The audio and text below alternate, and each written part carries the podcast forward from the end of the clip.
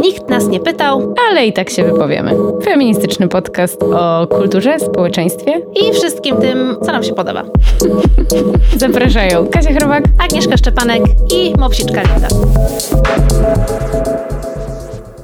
Dzień dobry, dzień dobry, drogie słuchaczki, słuchacze, osoby słuchające. Witamy. Dzień dobry. Chyba bez przydługich wstępów. Tym razem? Tak, dzisiaj bez przydługich wstępów. Ja powiem, o czym będzie ten odcinek. A będzie o tym, że nie ma większego zagrożenia dla rodzaju ludzkiego niż powszechnie przyjęte fałszywe założenia i złe definicje męskości, czyli Ej, woman! czyli toxic masculinity, toksyczna męskość będzie tym, o czym dzisiaj będziemy rozprawiać i z czym będziemy się rozprawiać. Tak, nie regulujcie odbiorników, bo to nie jest kolejny odcinek o tym samym, to jest y, kolejny odcinek, który dowodzi tego wszystkiego, o czym w niemal 100 odcinkach próbujemy Wam opowiedzieć. A tak. pretekstem dla nas stała się lektura książki, do której będziemy gorąco zachęcać, chociaż jej Premiera na polskim rynku wydawniczym odbyła się już jakiś czas temu, ale przecież nie żyjemy według kalendarza nowości wydawniczych. My rządzimy się swoimi prawami, do tego Was też zachęcamy. Mamy też dużo e, książek na półce od lat, które leżą i czekają, tak. aż się łaskawie nimi zainteresujemy. No i wzięłyśmy w końcu do ręki długo odkładaną lekturę e, książki Liz Plank o tytule Samiec alfa musi odejść, czyli Dlaczego patriarchat szkodzi wszystkim? Tak, książka ukazała się w wydawnictwie czarnym, więc bardzo, bardzo zachęcamy do jej lektury. Cóż, ja miałam jakieś takie oczekiwania, że to będzie trudna książka, że będzie pełna w ogóle jakichś badań socjologicznych i będzie ciężko przez to przebrnąć, że to w ogóle. Miałam jakieś takie, nie wiem, dziwne założenia dotyczące tej książki. Że będzie nudna i trudna. Tak, że to będzie po prostu jedna wielka statystyka, mhm. a to w ogóle nie jest taka książka, chociaż autorka powołuje się na bardzo wiele badań i jest osobny cały dział przypisowy, który odsyła do jej bogatej bibliografii i wiedzy, którą zgromadziła. Tak ale jest to w ogóle książka, którą powinien przeczytać każdy i każda. I tak. osoba, każda, która nie do końca jest przekonana do naszej głównej tezy, czyli że patriarchat musi zdechnąć, bo ta książka o tym mówi w bardzo przystępny sposób, czasami bardzo taki eseistyczny, też taki jakbyś czuła, że obok siedzi obok ciebie ta autorka i rozmawia z tobą o tym, co ona odkryła, o czym, o, z kim rozmawiała, jakie mhm. ma na temat przemyślenia, więc uważam, że też bardzo dobra robota tłumaczki Martyny Tomczak. Tak, tak, bardzo dobrze się to czyta, tak jak mówisz, przystępnie napisane, aktualne rzeczy, mnóstwo badań, ale wszystko podane tak, że po prostu lecisz przez tą książkę. No. I przecierasz oczy ze zdumienia, bo mimo tego, że rozprawiamy na tematy feministyczne dotyczące męskości i patriarchatu w niejednym odcinku, to dowiedziałyśmy się bardzo dużo z tej książki. To prawda. Było dużo celnych spostrzeżeń, które dostarczyły nam kolejnych argumentów do po prostu oręża feministycznego, które niesiemy przez ten świat. Tak czy nie, Kasia? No, dokładnie. No i myślę, że dużo było też takich miejsc, gdzie zrobiłam, o kurczę, rzeczywiście nie pomyślałam o tym, chociaż jak się nad tym zastanowić, to mhm. no, of course. Ale było też parę takich momentów, gdzie śmiechłam rzeczywiście, mhm. bo ona tak też fajnie mówi o tym też z humorem, nie? Tak. I chciałam powiedzieć, że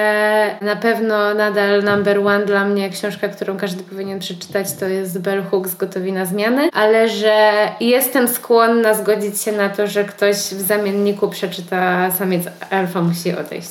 Jesteś na to gotowa, żeby... E, ewentualnie też dam zaliczenie z życia, jeśli ktoś... Zaliczenie z życia, dobrze. jeśli ktoś przeczyta to, tą lekturę zamiast, no.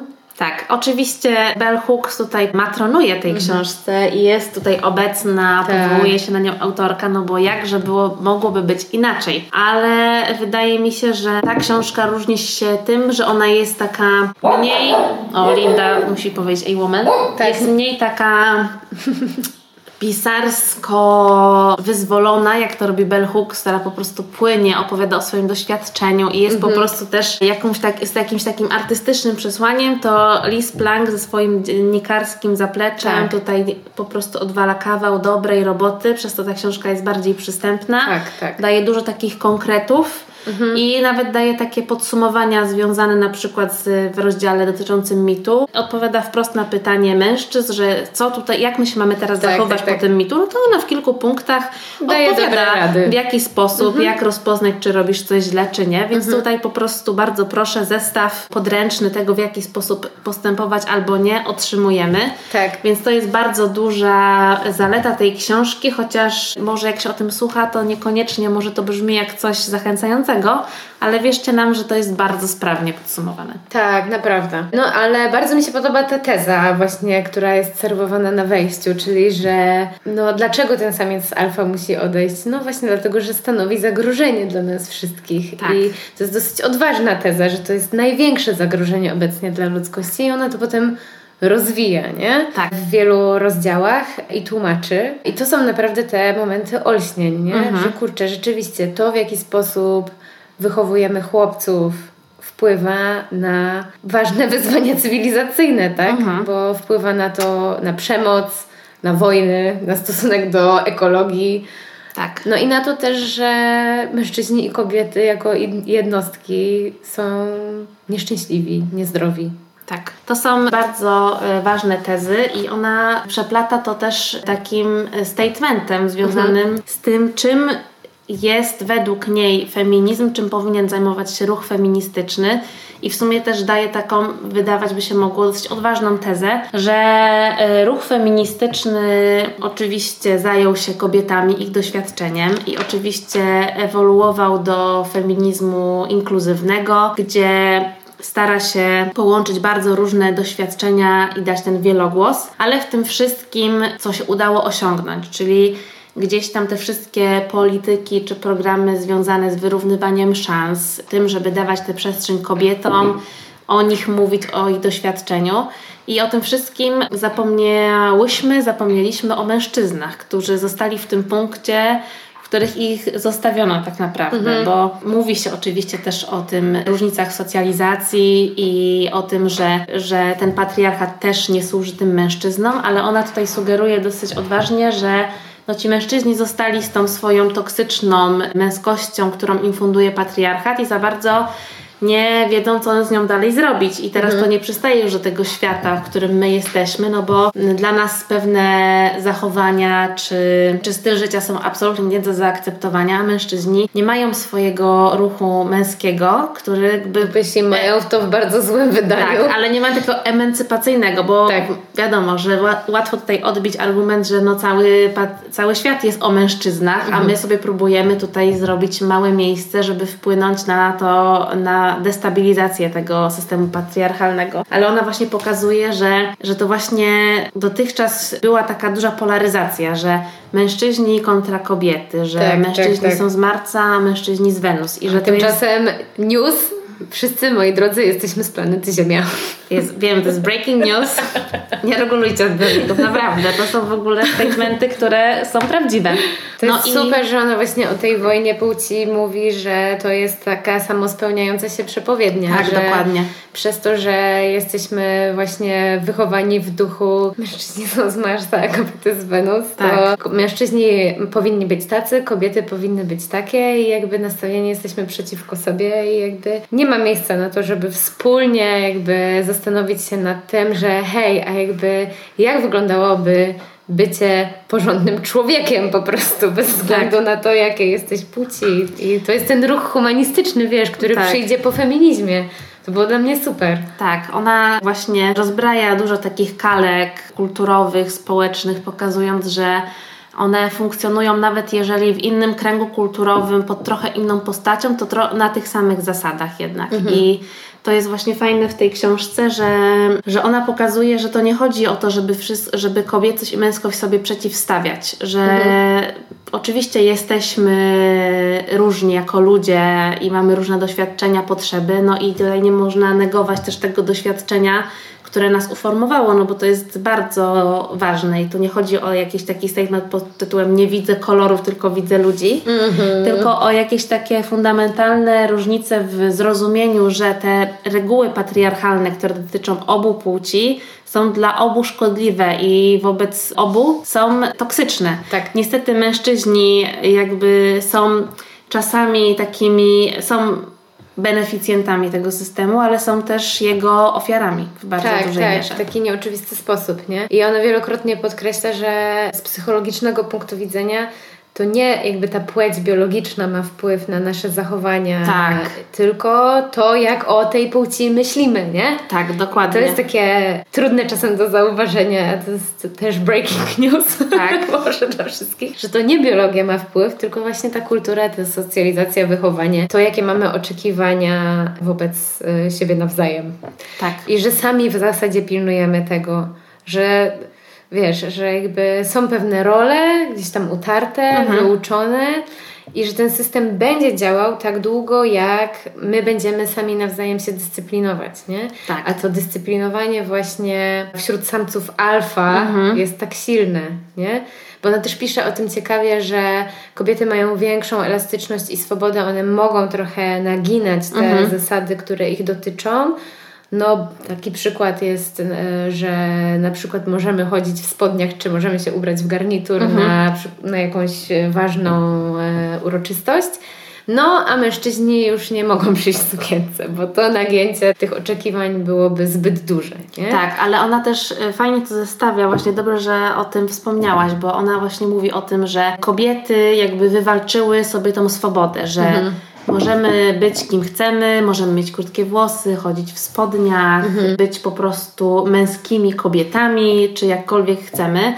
Mężczyźni mają tej swobody, ale ona też wynika z tego, że to, co kobiece, jest definiowane jako gorsze. Exactly. I mężczyźni nie chcą być kojarzeni z kobiecymi cechami, z kobiecym wyglądem, bo to wszystko prowadzi do też homofobii, mm-hmm. która jest tak naprawdę y, ukrytym szowinizmem, jak ona tutaj fajnie to pokazuje, o czym kiedyś też rozmawiałam z Twoją starą, mm-hmm.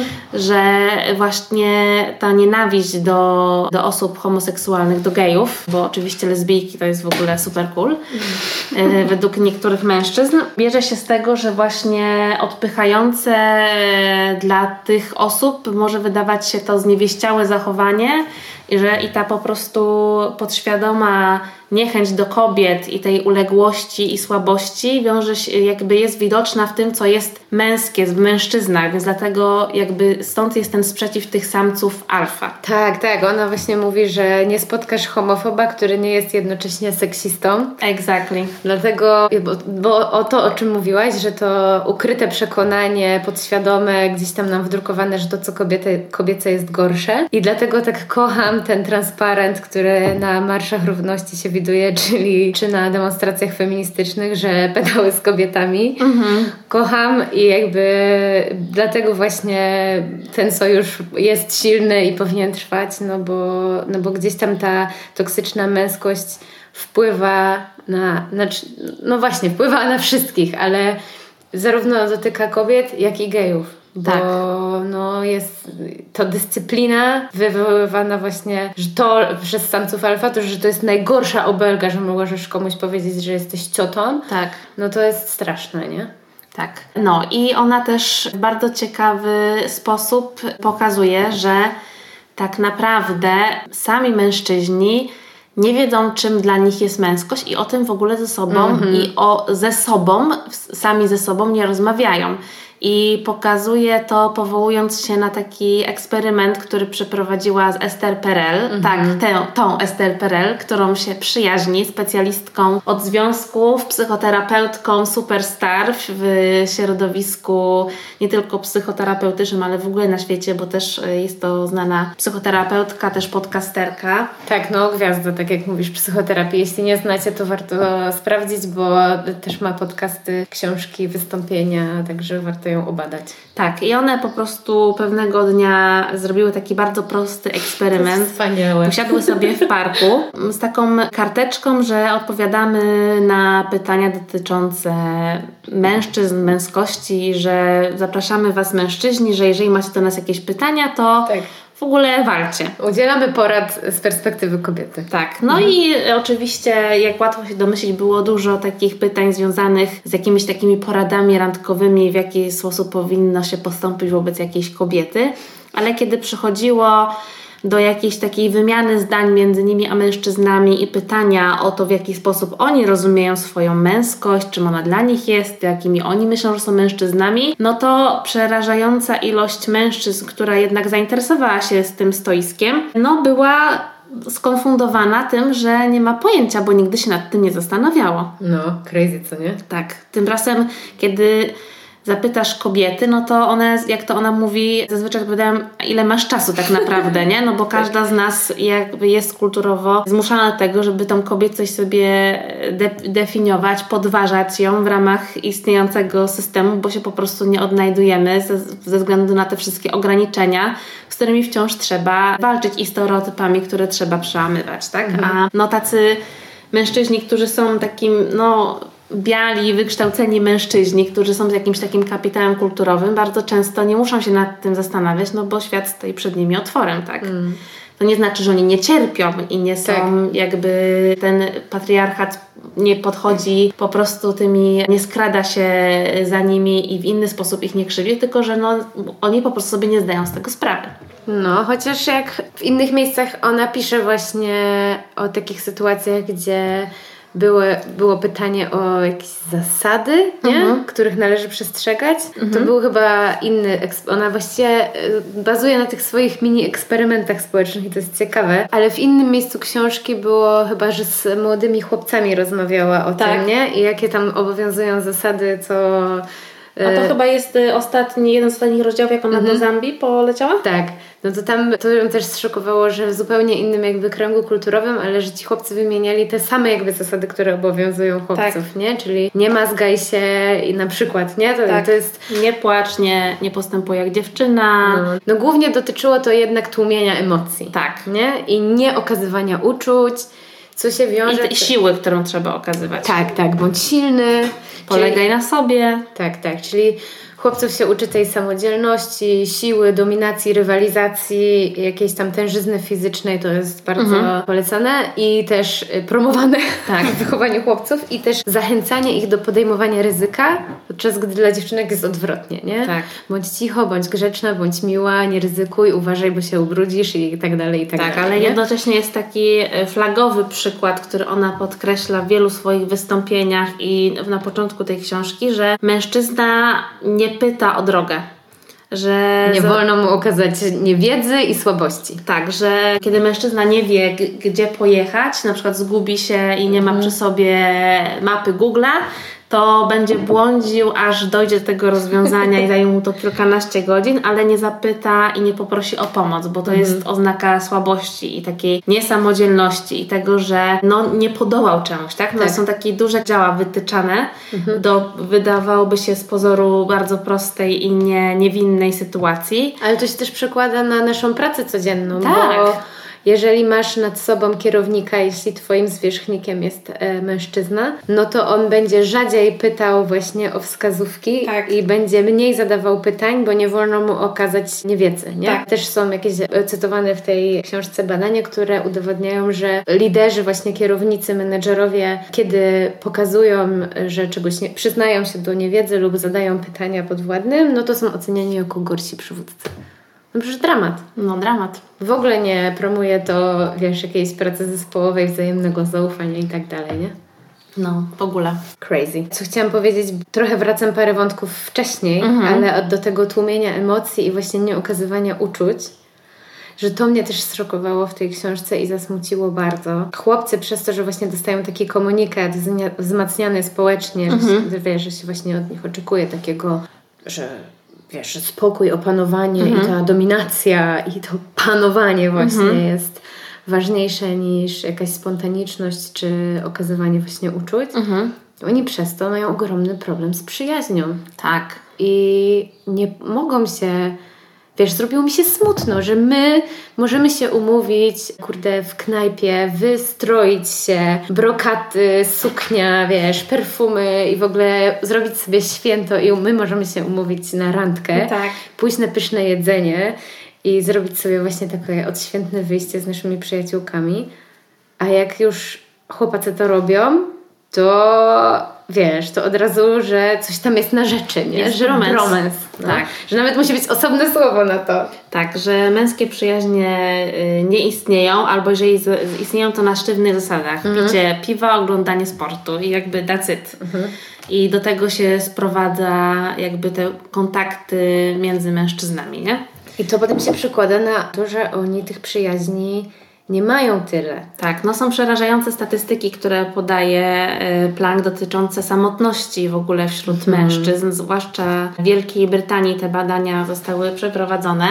No i tam mężczyźni między 30 a 60 rokiem życia, no to oprócz, jeżeli są w związkach, no to jako osobę najbliższą podają swoją partnerkę, ale poza tym, no to nie wymieniają jako bliskiej osoby jakiegoś przyjaciela, y, który funkcjonuje w ich życiu. I kobiety zachęca się do tego, żeby miały przyjaciółki, żeby... Więcej niż jedną. Tak, żeby, na, żeby po prostu, no i promuje się te kobiece przyjaźnie. Oczywiście też infantylizuje się je w, w różnych popkulturowych obrazach, ale jednak jest to taki powszechny obraz związany z tym, że przyjaciółki i ten girls code jest mhm. bardzo ważny i tak dalej. Podczas gdy te męskie przyjaźnie są no takim widokiem powiedziałabym niespotykanym, nawet mm. jeżeli chodzi o, o filmy, książki i tak dalej, bo no to są właśnie albo takie bromansy, czyli mm. coś zupełnie wyjątkowego, też takie podszyte takim homoerotycznym kontekstem, mm-hmm. bo jak to mężczyźni się, o czym oni mogą rozmawiać. No. No i nie ma takiej tej kultury właśnie takiej o celebracji tej przyjaźni męż między mężczyznami. Tak jak jest tak. Sex in the City, mhm. to jakby w takiej wersji męskiej, no to myślisz sobie, że mogłaby tylko wystąpić w wersji ho homoseksualnej, nie? Że po prostu no. heteromężczyźni, którzy mieliby wieść takie życie jak bohaterki tego serialu, no to w ogóle się nie mieści w głowie. No chyba takim e, jedynym przykładem, który wszedł mocno w popkulturę, no to wiesz, takie typy Chandler i Joey, nie? Tak. Na przykład w Przyjaciołach, nie? A ale no to się na szczęście zmienia, bo jest coraz więcej takich obrazów, które pokazują te męskie przyjaźnie. Tak sobie myślę, że no ubogo dosyć, nie? Tak, no to też jest związane z tym, żeby właśnie w czasie socjalizacji nie nastawiać chłopców na to, żeby mówić o tym, w jaki sposób się czują, że ta tak. męskość związana jest bardziej z odgrywaniem niż mówieniem o tym. Tak, Podczas gdy kobiecość dokładnie. jest właśnie bardziej o tym, czym ona jest, niż odgrywaniem jej. I mhm. to jest ta główna różnica, o której ona też tak, mówi w tej tak, książce. Tak, tak, tak, tak. No a to, że właśnie tych przyjaźni mają mniej mężczyźni, mhm. to właśnie bezpośrednio się przy, przekłada na naprawdę na ich, długość ich życia. Mhm. Tak. Na zdrowie, no bo tam e, ona właśnie mówi też o tym, że wręcz liczba Twoich grona bliskich Twoich przyjaciół może mieć zbawienny wpływ na Twoje zdrowie, nawet może mieć, to, że masz mało przyjaciół, może być bardziej szkodliwe niż to, że paliłaś papierosy, nie? Tak, to tak. niesamowite. I to jest jedno miejsce, w którym jakby no, patriarchat można powiedzieć, zabija tych mężczyzn, a drugie to jest, że właśnie częściej podejmują zachowania ryzykowne. To jak Welcome to Jackass, pamiętasz tak, ten program? Jezus. To jak ona przypomniała mi to, że rzeczywiście był cały program na MTV, który pokazywał chłopaków, którzy celowo robią sobie krzywdę, żeby tak, coś udowodnić. swoje życie i też innych, żeby po prostu zrobić z tego śmieszne żarty. Tak. No plus takie rzeczy jak większe ryzyko bezdomności, bo masz małe grono bliskich przyjaciół, do których możesz się zwrócić o pomoc. Ale też y, nawet jeżeli ich masz, no to ten aspekt proszenia o pomoc i zgłaszania tak. tego, że jesteś w potrzebie jest tutaj zatrważający, bo właśnie jak ona wspominała o tej bezdomności i o tym programie, który łączy te osoby w tym kryzysie bezdomności z osobami, które y, znały, czy z rodziny, czy z krewnymi, czy z jakimiś przyjaciółmi, żeby poprosić o pomoc i wyciągnąć ich z tego kryzysu, no to badania mówią, że mężczyźni rzadziej godzą się, żeby wziąć udział w tym programie. I nawet jeżeli podejmą ten pierwszy krok, to już nie są wytrwali, że z kobietami jest inaczej, że one potrafią poprosić o tą pomoc i są bardziej skłonne do tego, żeby współpracować, a mężczyźni bardzo często się wycofują, nie chcą tego też takiego swojego obrazu pokazywać w, tym, tak. w tej sytuacji, w której się znaleźli. I to ma też bezpośrednie przełożenie o, na zdrowie, bo nie dość, że mężczyźni są predestynowani do tych ryzykownych zawodów związanymi tam z wysokościami, z górnictwem i z innymi takimi ekstremalnymi warunkami. Tak, to też jeżeli na przykład źle się czują, czy dolega im coś, tak. rzadziej zgłaszają to, no bo to jest oznaka słabości. Chodzenie do lekarza, czy też narzekanie na jakieś do, dolegliwości wiąże się z jakąś oznaką y, tej męskości, która no nie spełnia tych standardów siły mhm. i też takiego poradzenia sobie samemu. Więc ta też długość życia, mhm. te różnice między długością życia kobiet i mężczyzn wynika też właśnie z tego, że no mężczyźni po prostu wprost są zachęcani do tego, żeby nie dbać o siebie. Tak, a nawet jeśli już... I są narażani też na to, żeby jakby wystawiać się na te próby z, tak. związane z bezpośrednim wpływem na ich zdrowie psychiczne i fizyczne. Tak, a nawet jeśli już pójdą do lekarza i jakby zwrócą się o pomoc, to siedzą u tego lekarza i nie potrafią opisać symptomów. Tak. Bo są tak odcięci od tego, co czują i co mówi im ich ciało i jakby właśnie, żeby opisać, gdzie czują ból, że no nie potrafią tego powiedzieć. Tak, to jest przerażające i te badania, na które ona się tutaj powołuje i statystyki, jeżeli chodzi w ogóle o, o same liczby, mhm. no dają do myślenia. No i to też jest tak, że właśnie nawet nie, nie, nie zdajemy sobie sprawy, w jak wielu aspektach życia te, te, nasze przekonania o tym, jaki powinien być mężczyzna, wychodzą, nie? Tak. Że nawet w takich głupotach jak to badanie przecież o tym, ile kawałków pizzy zjadają mężczyźni, a, tak. jak są sami, a jak są jakby wśród ludzi. No. Że jak są sami, no to dobra, zjedzą tam powiedzmy pół pizzy i są najedzeni, ale jak są wśród ludzi, to muszą zjeść całą pizzę, żeby udowodnić, że mają apetyt. Tak, że są w ogóle i to na poziomie jakimś nieświadomym, bo przecież oni nie siedzą i nie myślą sobie, no dobra, muszę zjeść całą pizzę, bo jak nie, to wyjdzie, że jestem słaby. Tak. Tylko jakby właśnie podświadomie robią to, no nie? Tak. To jest szalone. Tak, te badania, na które ona się powołuje, naprawdę zdejmują klapki z oczu, bo w ogóle też to jest niesamowite, że jeżeli wiele badań, o których ona mówi, jeżeli jest znana, ujawnia się płeć osoby, która odpowiada na te pytania, to one się różnią w odpowiedziach niż jeżeli ta płeć tego respondenta ma być w ogóle totalnie nie jest brana pod uwagę, że mężczyźni mhm. wtedy zupełnie inaczej odpowiadają, stają się bardziej otwarci i tacy skłonni do tego, żeby jakby to powiedzieć, okazać jakąś słabość, która wiadomo mhm. nie jest słabością, tak? Mhm. Ale żeby odsłonić coś, co jakby mogłoby na ten image samca alfa wpłynąć. Mhm. Szalone. I bardzo mi się podoba to, co jest tam gdzieś przytoczone na początku książki, czyli teoria niepewnej męskości. Mhm. Męskość jako coś, co musisz ciągle udowadniać. Tak. No czyli to działanie właśnie, tak. nie? Musisz to ciągle performować, pokazywać, okazywać na każdym kroku, no bo jak tylko nie spełnisz tego standardu, to zaraz zostaniesz wykluczony. Tak, no ale to też świetnie było widać u Diane Tor, o której rozmawiałam tak. w zeszłym odcinku. Dokładnie. właśnie to stawanie się mężczyzną było w ogóle masą takich właśnie rytuałów i działań, które się składają na to, żeby odegrać tę rolę, mhm. że tam było mało na temat takiego mental, y, takiego przygotowania mentalnego, że to me, mentalne przygotowanie, o które chodziło Thor, wiązało się z tym, żeby totalnie wejść oczywiście w tę postać męską i odczuwać to, ale to wiązało się z takim, no po prostu odgrywaniem tego mężczyzny bardziej, mhm. tych wszystkich gestów, które idą za tym, co, co męskie. Tak. Dokładnie. I w sumie ta Liz Plank też ma taki pasus w tej książce, gdzie przytacza doświadczenie mhm. trans mężczyzn i oni mówią o tym, że kiedy stajesz się mężczyzną, co się zmienia. Tak, to jest super. Że nagle inni milczą, milczą gdy mówisz. Nikt ci nie przerywa. Tak. I to jest szoker. Możesz wyrażać gniew, ale nie możesz wyrażać smutku. Tak. Więc e, to już jest zakazane, nie? Czyli też odwrócenie, bo e, kobiety właśnie gniewu nie mogą wyrażać, mhm. bo to, za to są karane, nie? Tak, są histeryczkami generalnie Wiadomo. i mają PMS-a. A co smutne, no to też właśnie, gdy stajesz się mężczyzną, zaczynasz być z automatu postrzegany właśnie przez kobiety jako zagrożenie. I nie mhm. tylko przez kobiety, przez innych mężczyzn też. Tak, no to jest bardzo ciekawe, że właśnie ta męskość jest y, ciągle w naszej opowieści jako coś zagrażającego kobiecie. I ona też mówi właśnie o tych y, kwestiach związanych z przemocą i z mitu że cały czas mówimy na przykład, że ona została zgwałcona, a nie, że tak. ktoś ją zgwałcił. Tak. Że cały czas jest ten nacisk na to, że jakby to się wydarza tej os osobie zgwałconej i na nią jest nacisk, a nie na to, że ona doznała krzywdy od kogoś i że to jest to właśnie to, y, te akcenty, które powinny się zmienić w tej, w tej dyskusji i żeby tak. rozmontowywać tą agresję i przemoc i zadać sobie pytanie, skąd ona się bierze. I ona oczywiście tutaj jest też długi fragment a propos tego, że ta przemoc, ta agresja, jeżeli chodzi o Stany Zjednoczone, no jest y, bardzo związana z rasą.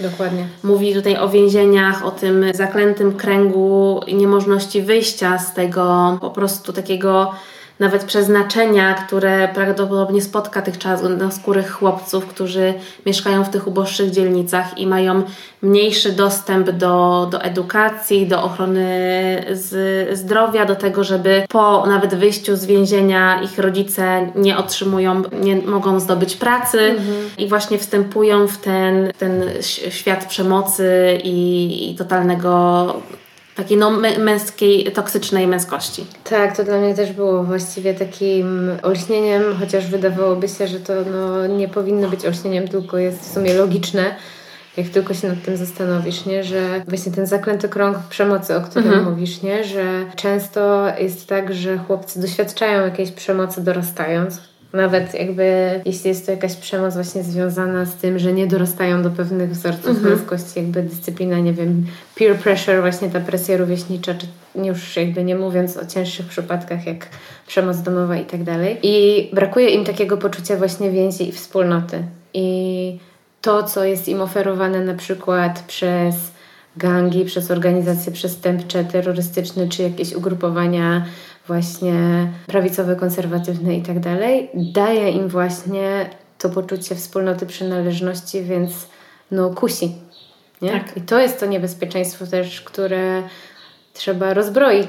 Tak, no ona mówi tutaj też o tych systemowych nierównościach, które mhm. wpędzają mężczyzn w zależności właśnie od koloru skóry tak. i statusu w to zaklęte koło przemocy i niemożności wyjścia jakby z tego, no z tego, żeby po prostu aspirować do tego, co jest oczywiste dla bia białych mężczyzn na przykład. Nie? Tak, więc w ciekawy sposób właśnie o tej intersekcjonalności mówi, że, że, że ten męski przywilej owszem, ale też pewne warunki musisz spełnić. Nie? Tak, tak. I no wracając właśnie o tego o, o, do kwestii proszenia o pomoc, no to jednak to proszenie o pomoc czasami jest też uwarunkowane brakiem opieki zdrowotnej, która dla nas może się wydawać oczywista, ale w wielu miejscach na świecie mm. związana jest z ogromnym y, przywilejem. Mm. Fajny jest też y, później pod koniec ten rozdział właśnie skoro patriarchat jest taki wspaniały, to czemu właśnie dzieje się Wam ta krzywda, nie? Gdzie tak. ona zbiera, zbiera to wszystko i też daje taki pozytywny przykład mm. o krajach, gdzie pewien poziom równości płci został osiągnięty i właśnie statystyki też pokazują, że to się przekłada na, tak. na poziom szczęścia, jakby odczuwanego. No to, że to są kraje, tak. w których się po prostu dobrze żyje, gdzie, gdzie gdy równość staje się jakby domyślnym rozwiązaniem, mhm. już nie trzeba jakby o nią walczyć, to nagle okazuje się, że beneficjentami tego nie są właśnie tylko kobiety, kobiety czy osoby, które były wcześniej mniej uprzywilejowane, tylko również właśnie te osoby, które miały wcześniej ten przywilej, one też zyskują na tym, nie? Tak. No. I ona też fajnie to pokazuje na przykładzie tego urlopu tacierzyńskiego mhm. i tego właśnie myślenia o mężczyznach i kobietach w kategorii rodziców mhm. i tego, z czym muszą się też mierzyć geje w związku z, z opieką, którą mają nad swoimi dziećmi. Nie? To jest też bardzo ciekawe, że ona właśnie mówi, że no jest taki duży opór związany z tym, żeby w ogóle mężczyzna był jako ten rodzic taki opiekuńczy postrzegany wciąż, mhm. nie? że ten, ten, ten toksyczny ideał męskości jest bardzo nastawiony na to, że ten mężczyzna musi być tym prowajderem, tym żywicielem rodziny, mhm. tym, który po prostu jest oderwany niejako, że po prostu tylko dostarcza te zasoby, a ta rodzina gdzieś tam w ogóle z tyłu wiedzie to swoje życie bez niego. A po prostu no. on jakby wyrusza na te łowy do tej pracy, jest tak. tym po prostu łowcą, dostarcza to pożywienie i idzie dalej. Mhm. I no ta zmiana związana z, w ogóle z podziałem tego urlopu mhm. rodzicielskiego na to, żeby po prostu wyrównywać te szanse i pokazywać, że ten urlop tacierzyński nie może przechodzić na kobietę, i ona fajnie pokazuje, że to jest y, mądre rozwiązanie, no bo jakby dzięki temu, że albo możesz go wykorzystać, albo on przepadnie, jakby niejako trochę zmusza mężczyzn tak. do tego, żeby oni spróbowali się w tej nowej roli i żeby też mieli niejako taki pretekst, że nawet jeżeli oni chcą go, to żeby przed innymi mężczyznami mhm. nie musieli się tłumaczyć z tego, bo wielu mężczyzn ma ochotę zostać z tymi dziećmi, ale wciąż to jest jakby niemęskie zachowanie związane z tym, że, że okazujesz tą opiekuńczość, że wstępujesz właśnie w tą mhm. rolę kobiecą. I mhm. jakby trochę, jak to się mówi, niektórzy mówią o takim kastrowaniu mężczyzn, nie? co jest w ogóle absurdalne. Absurd, tak. A no a kiedy jest to jakieś takie systemowe, że no właśnie tak jak mówisz, albo wykorzystasz, albo przypadnie, no to no dobra, jesteśmy w pewien sposób zmuszeni tak. do tego. No i okazuje się, że wszyscy są potem zadowoleni. Tak. exactly. No ale wiesz co, no, tak myślę, że już może powoli zmierzając do końca, jeśli się zgodzisz. Jezu, jak to? No wiem, o nie wszystkim nie powiemy, ale po prostu tą książkę trzeba przeczytać, ale jeszcze tak chciałabym chyba podsumować takim tym wątkiem, dlaczego mężczyźni się czują zagubieni dzisiaj, mhm. nie? Bo mówiłyśmy już trochę o tym, że zmieniły się te dotychczasowe zasady, reguły, że na przykład właśnie Too było takim ruchem pokazującym, że no more, że już yes. tak nie wolno. Chociaż z drugiej strony, no, Liz Plank też pisze o tym, że no, niby z jednej strony tak, z drugiej strony, no, kto został prezydentem Stanów no, Zjednoczonych w 2016. No ale właśnie z czego to, to zagubienie mężczyzn wynika, nie? Że te dotychczasowe właśnie reguły, w których oni zostali wychowani się zmieniły, a jeszcze nie przyjęły się do końca te nowe standardy, nie? Tak, tak. przyszło mi to do głowy, bo właśnie ten urlop tacierzyński, o którym mówisz, jest dobrym przykładem, że jest już wprowadzone to rozwiązanie, ale jeszcze nie jest popularne, mhm. nie? Że musi trochę czasu minąć, ale bardzo mnie rozbawiło to, że inny przykład, tak? Czyli mężczyźni powinni być partnerscy, ale też szarmanccy. Tak, o Jezus, to jest cudowne. że to jest taki trochę właśnie ten sprzeczny sygnał, który właśnie też kobiety wysyłają tak. często i dlatego my, laski, też się musimy pilnować, żeby się zdecydować, że kurczę... Internacjonalizowany patriarchat to jest zjawisko, które dotyka w bardzo dużej mierze kobiety. I bardzo mnie to rozbawiło, że no mężczyźni jak już nie mogą otworzyć tych drzwi przed kobietą, to nie wiedzą, co zrobić z rękami. Tak, że oni już nie, zabrano im wszystkie funkcje. Jeżeli oni nie mogą być szarmanty, to co oni mają robić wobec tych kobiet?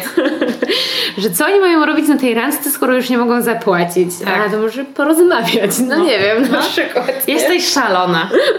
tak, ale ona właśnie mówi o tym takim nieustannym, takim głupim argumencie, że to same sobie wnieście lodówkę, mm. to nie możemy, to już jakby, że dobre maniery wyszły z mody, że w ogóle już my nic nie możemy robić, nie? Że ona właśnie pokazuje, że ograniczanie męskości do takiego wąskiego grona związanego z tym, że mężczyzna ma płacić za, za to wyjście i że ma też jakby okazywać ten szacunek kobiecie przez to otwieranie drzwi i tak dalej. I ona mówi, że zachowuj się wobec kobiety tak, jakby się zachował wobec drugiej osoby, także mężczyzny. Czy otworzyłbyś mężczyźnie drugiemu drzwi? No, gdyby niósł lodówkę, to tak. Tak, no, ale jakby to nie, nie powinno wynikać z płci, że jakby otwierasz i że to jest Twoje zadanie, że jakby jest bardzo proste pytanie, które możesz sobie zadać, że swojej szefowej byś otworzył, ale swojemu szefowi już nie. Dlaczego nie? No, no, no. Jakby tutaj, że jakby takimi prostymi pytaniami ona pokazuje, że można rozbroić to, że te reguły, które są ułożone w tym takiej dynamice płci są trochę bezsensowne, że my mhm. je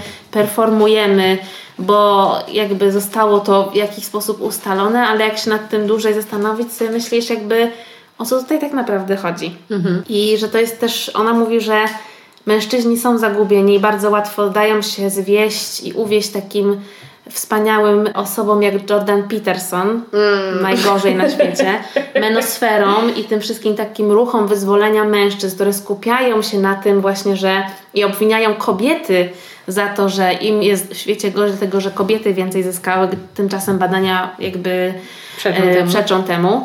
I bardzo fajnie Liz Plank odwołuje się tutaj do tych wspaniałych cytatów tych mężczyzn i pokazuje im pole do działania, że jakby tutaj jest dużo do zaopiekowania, jeżeli chodzi o aspekty męskie i że może zamiast skupiać się na takim myśliwym pomstowaniu na te kobiety, można by trochę inaczej podejść do tych kategorii tak. męskości i skupić się na innych aspektach. I mhm. też jest bardzo taki trafny według mnie statement, że mężczyźni właściwie nie mają alternatywy obecnie w takim przekazie popkulturowym, że jakby jest ta toksik męskość, ale jakby co jest w zamian? Czym jest w ogóle ten samiec beta? Kurczę, wiesz co, no myślę, że powoli jednak się zmienia, że to... Woli. Że to, na czym my wyrośliśmy na przykład, nie? Jakby pokolenie milenialsów, nie?